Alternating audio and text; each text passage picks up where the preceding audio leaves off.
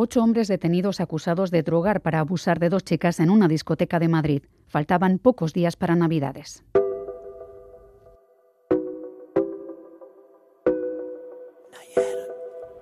Ellas están en la pista, ellos en un reservado, en principio, porque las cámaras parecen demostrar lo que luego confirmaron los análisis. Habrían echado éxtasis y metanfetamina en las bebidas de ambas chicas para abusar de ellas.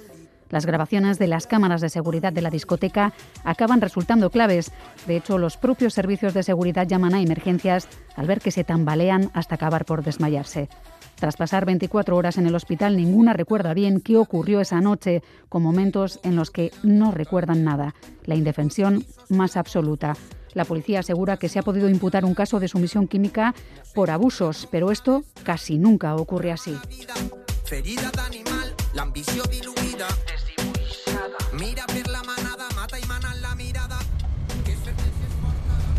Investigación tiene esta vez dónde sustentarse, pruebas toxicológicas, las grabaciones del establecimiento y la declaración de un testigo que confirmó que el grupo de jóvenes era el que había introducido los estupefacientes en las copas de las víctimas. Todo esto sumado permitía confirmar al 100% que estábamos ante un caso de sumisión química, según fuentes policiales.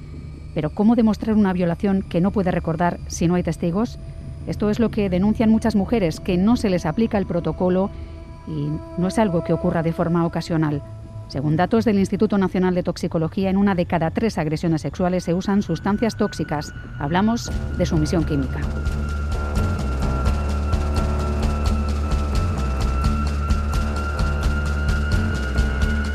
Son historias dolorosas, como la de Gloria, de 71 años, que este pasado verano fue drogada y violada mientras comía en casa de unos vecinos de su piso en Estepona. Tuvo que hacerse la prueba por su cuenta un mes después de la agresión. Pagó cerca de 3.000 euros incluida la custodia policial para que pudiera ser usada en un juicio. El resultado dio positivo en cocaína y barbitúricos. Volvió a repetirla unos meses después, en diciembre, y corroboró que esas sustancias solo aparecían en un momento concreto que coincidía con aquella comida. Al denunciar los hechos, el juez archivó la causa, ahora está intentando reabrirla y cuenta con el apoyo de la Fiscalía. Ella y Marta, Marta Asensio, son algunas de las mujeres que han comenzado una campaña de recogida de firmas a través de change.org, que supera ya las 125.000 adhesiones. Se busca que los ministerios de Igualdad y Justicia implementen un protocolo que proteja a las mujeres. Soy Miriam Duque, la encargada de abriros esta Gambara Negra, un podcast de crónica negra en el que hacemos que ciencia, especialistas y pruebas hablen más que nosotros para recomponer la actualidad y tratar de entender la mente de quienes se escoran al lado oscuro. Marta Asensio, bienvenida. ¿Qué tal? ¿Cómo estás? Hola, ¿qué tal? Muy bien. Estamos hablando de 125.000 firmas eh, o más, más de 50 testimonios para exigir justicia. ¿Urge un protocolo? Sin duda. Eh, ahora mismo por lo que estamos peleando precisamente es porque haya un protocolo eh, para toda España, que ahora mismo no, lo está viendo. hay solamente en, en, seis comunidades autónomas de las 17 y urge que, efectivamente se haga un protocolo unificado para toda España porque no es justo que no sea igual eh, una violación por sumisión química en, Madrid que en un pueblecito de Soria. ¿no? Eh, y bueno, pues también que sea un protocolo, lo que estamos buscando es que sea unificado lo que son las tres patitas ¿no? de la sanidad, eh, los, pues todos los cuerpos de seguridad del Estado, policía, guardia civil, y, también la justicia, ¿no? Estamos hablando de una situación que en tu caso podríamos decir que tiene un doble problema. Tú denuncias eh, que se usó contra ti sumisión química y que quien la usó entonces era tu pareja. Sí, correcto. Yo quiero dar una visibilidad. Bueno, yo me uní em, a la petición de, firmas de Gloria Martínez. Abrió una petición en chain.org eh, para el stop sumisión química. ¿no? Y cuando lo vi dije, wow, o sea, esto es súper necesario, me voy a unir a ellas, pero además había la posibilidad de, contar un poco más a fondo tu caso e incluso yo les dejé a propósito mi teléfono y mi email para que eh, pues lo que necesitasen me ponía a disposición. ¿no? De hecho, tanto, tanto que al final eh, Gloria, eh, bueno, pues ahora mismo no, no puede estar presente en estos días porque ya de momento no, eh, bueno, pues no está muy disponible emocionalmente tampoco, hmm. porque todo esto remueve muchas cositas. Y me dijo, Marta, si puedes tú llevarlo y tal. Y dije, pues igual, ¿no? Hasta donde pueda llegar y luego que releve otras si hace falta, porque al final esto es difícil, es difícil también hablar de ello, es difícil dar la cara. Y bueno, yo también lo que quise fue eso, visibilizar que hay unas realidades eh, con respecto a la sumisión química que no son solo en la noche y a gente joven. Que igual que le pasó a Gloria, que en su caso fue una, eh, pues, con unos vecinos en mm. una segunda residencia, ¿no? Y, bueno, pues eran gente además de, 70 años, 70 en adelante. Eh, o sea que, que, estamos hablando de un perfil muy diferente. Y en mi caso, pues era una expareja que tuve, que en su momento era pareja. Y bueno, pues efectivamente hay muchas, eh, en muchas ocasiones que el, violador por sumisión química lo que hace es aprovechar esa, esa cercanía y esa confianza en la víctima. ¿Tú has podido demostrar qué sustancias usó contigo?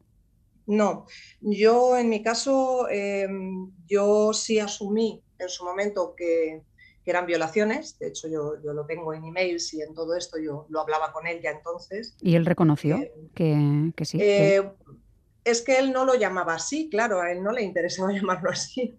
Él decía que bueno, pues que, que, que era porque me deseaba mucho y, pero él decía, bueno, pues eso, ¿no? Yo le decía, pero no lo hagas más, vale, pues no lo voy a hacer más, pero luego lo volví a hacer al cabo de los meses, ¿no?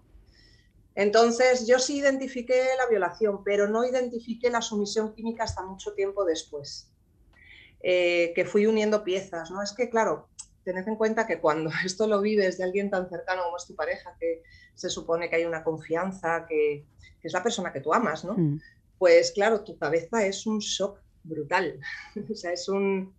Eh, no, no, puedes asumir lo que ha pasado, te quedas en, como en blanco total, o sea, como en un limbo que eres incapaz de, pensar más, ¿no? No sé cómo decir.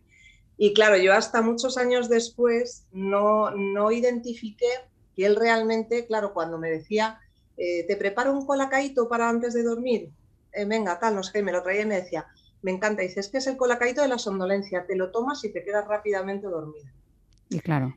Y claro, luego después, pues igual, cositas que él me decía, eh, bueno, él me llama banana, eh, como apodo cariñoso ¿no? para dormir. ¿no?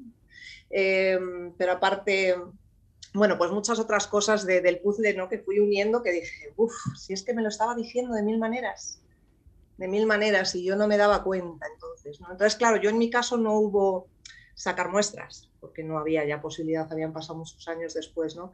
Pero sí me decidí a denunciar cuando hubo otra víctima de él. Hmm. Y me lo contó. Claro, y ahí ya sí dije, mm, esto, o sea, me sentí culpable además, porque dije, si yo lo hubiera denunciado en su día, pues no, no hubiera pasado. Pero claro, también hay que ponerse en la situación de que eh, cuando es en pareja es una situación mucho más difícil que cuando es una sumisión química en un bar.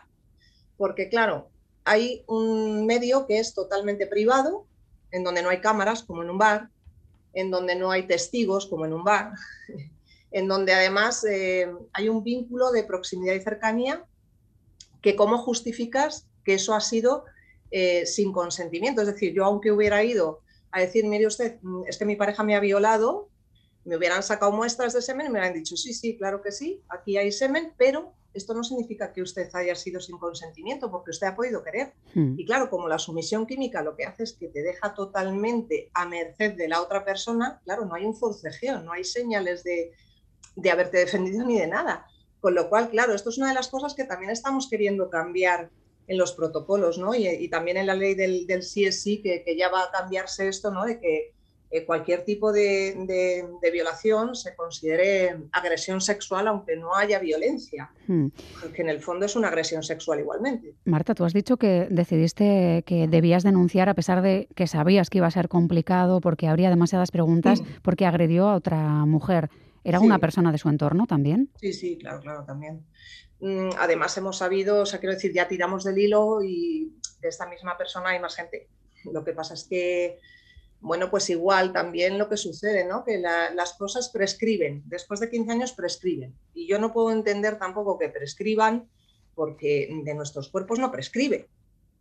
Y esto es algo que me cabrea muchísimo, porque digo, joder, es que, a ver, mm, yo por ejemplo, claro, he tenido mucho trabajo psicológico, he tenido mucho trabajo personal, he tenido incluso que hacer formaciones a nivel personal para entender qué había pasado en mi vida. Yo me he hecho sexóloga después, Em, he hecho eh, cursos de todo tipo, ¿no? de perspectiva de género, de, por ejemplo, este también de, los puntos violeta para las agresiones sexuales en, en, las fiestas y tal, ¿no? y he ido entendiendo muchas cosas también. ¿no? De este sesgo también que hay de los violadores, que parece que es solo un desconocido con capucha en un callejón, mm. ¿no? Y no es verdad. Claro, porque supongo que muchas veces te habrán preguntado por qué sigues con él pasada la primera vez o, pasada la segunda vez, ¿no? O pasada, A ver, yo tengo que decir que yo estuve seis años con él y que yo, obviamente, él no lo hacía todos los días. Si lo hubiera hecho todos los días, me habría dado, vamos, segurísimo. El tema es que a lo mejor fueron cinco o seis veces en todos esos años. ¿Qué sucede? Que, claro, tú le dices, oye, no me lo vuelvas a hacer, y él dice, no, no lo voy a volver a hacer. Pero, claro, a lo mejor lo hace después de cuatro meses. Entonces, claro, ya lo ha vuelto a repetir. Claro, yo también explicarle a la gente un poco cuál es mi, digamos, mi, pues de dónde vengo, ¿no? Pues condiciona todo eso. Es decir, yo venía de una familia súper católica de misa todos los domingos y yo tenía metido en la cabeza que había que perdonarlo todo y poner la otra mejilla. Entonces, claro, yo perdonaba y perdonaba y perdonaba. Hasta que dije, no, es que no puedo más. Es que ya mi cuerpo empezó a hablar, empezó, empecé a crear un vaginismo, porque claro, eh, como tu cuerpo no quiere que nada penetre dentro, lo que hace es que se cierra. Se bloquean. Y, se seca, o sea, es que se, se bloquea totalmente. Entonces, claro, yo ahí ya me di cuenta que es que me empezaba a afectar de una forma física incluso, ¿no? Que yo incluso cuando me duchaba me, me, daba asco tocar mis genitales para ducharme, imagínate, ¿no? Claro, cuando llegas a ese punto de aversión con tu cuerpo y de, y de desvinculación de tu cuerpo, ¿vale? Porque yo en ese momento mi cuerpo no era mío, o sea, es tal como lo sentía. Hmm.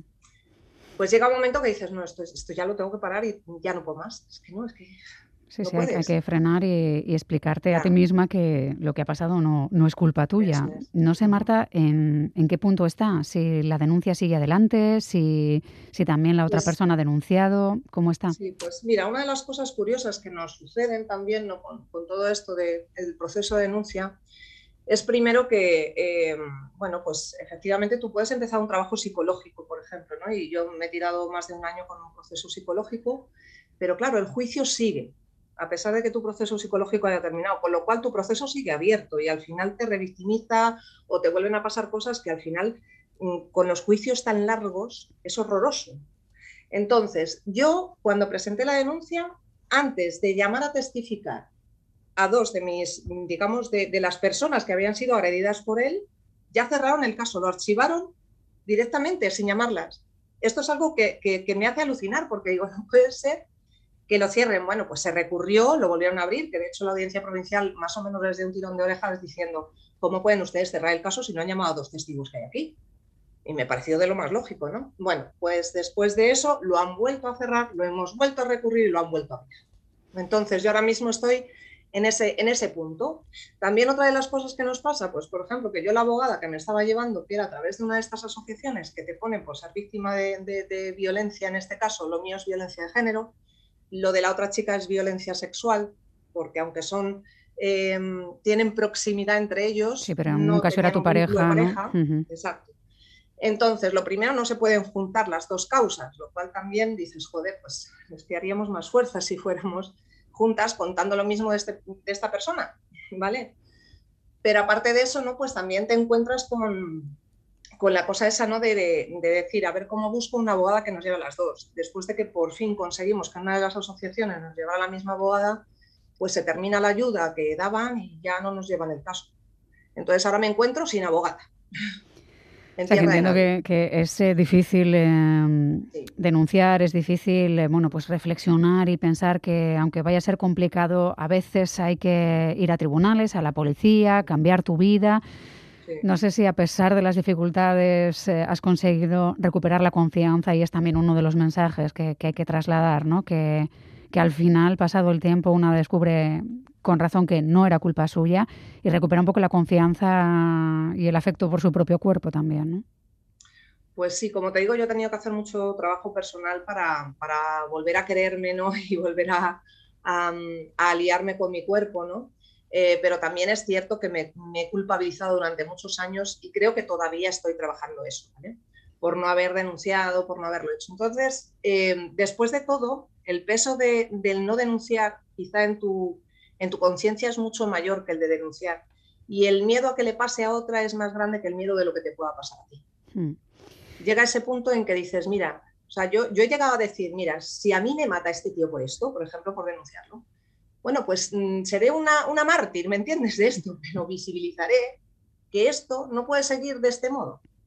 Porque es que al final tenemos que hacer algo, porque si nos seguimos callando, seguimos encubriendo abusadores y seguimos haciendo, pues eso, que sigan habiendo nuevas víctimas. Y es que esto no puede seguir pasando.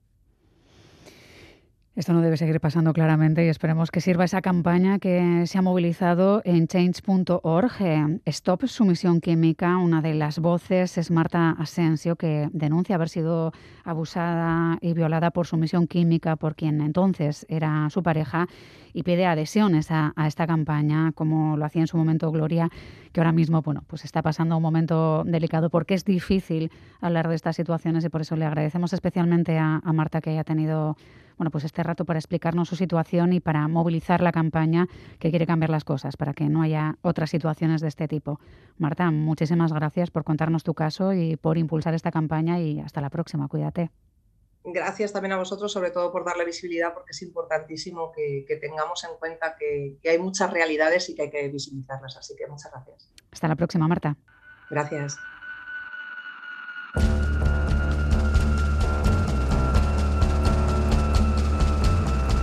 Gambara Negra, el podcast de crónica negra e investigación de EITB Podcast.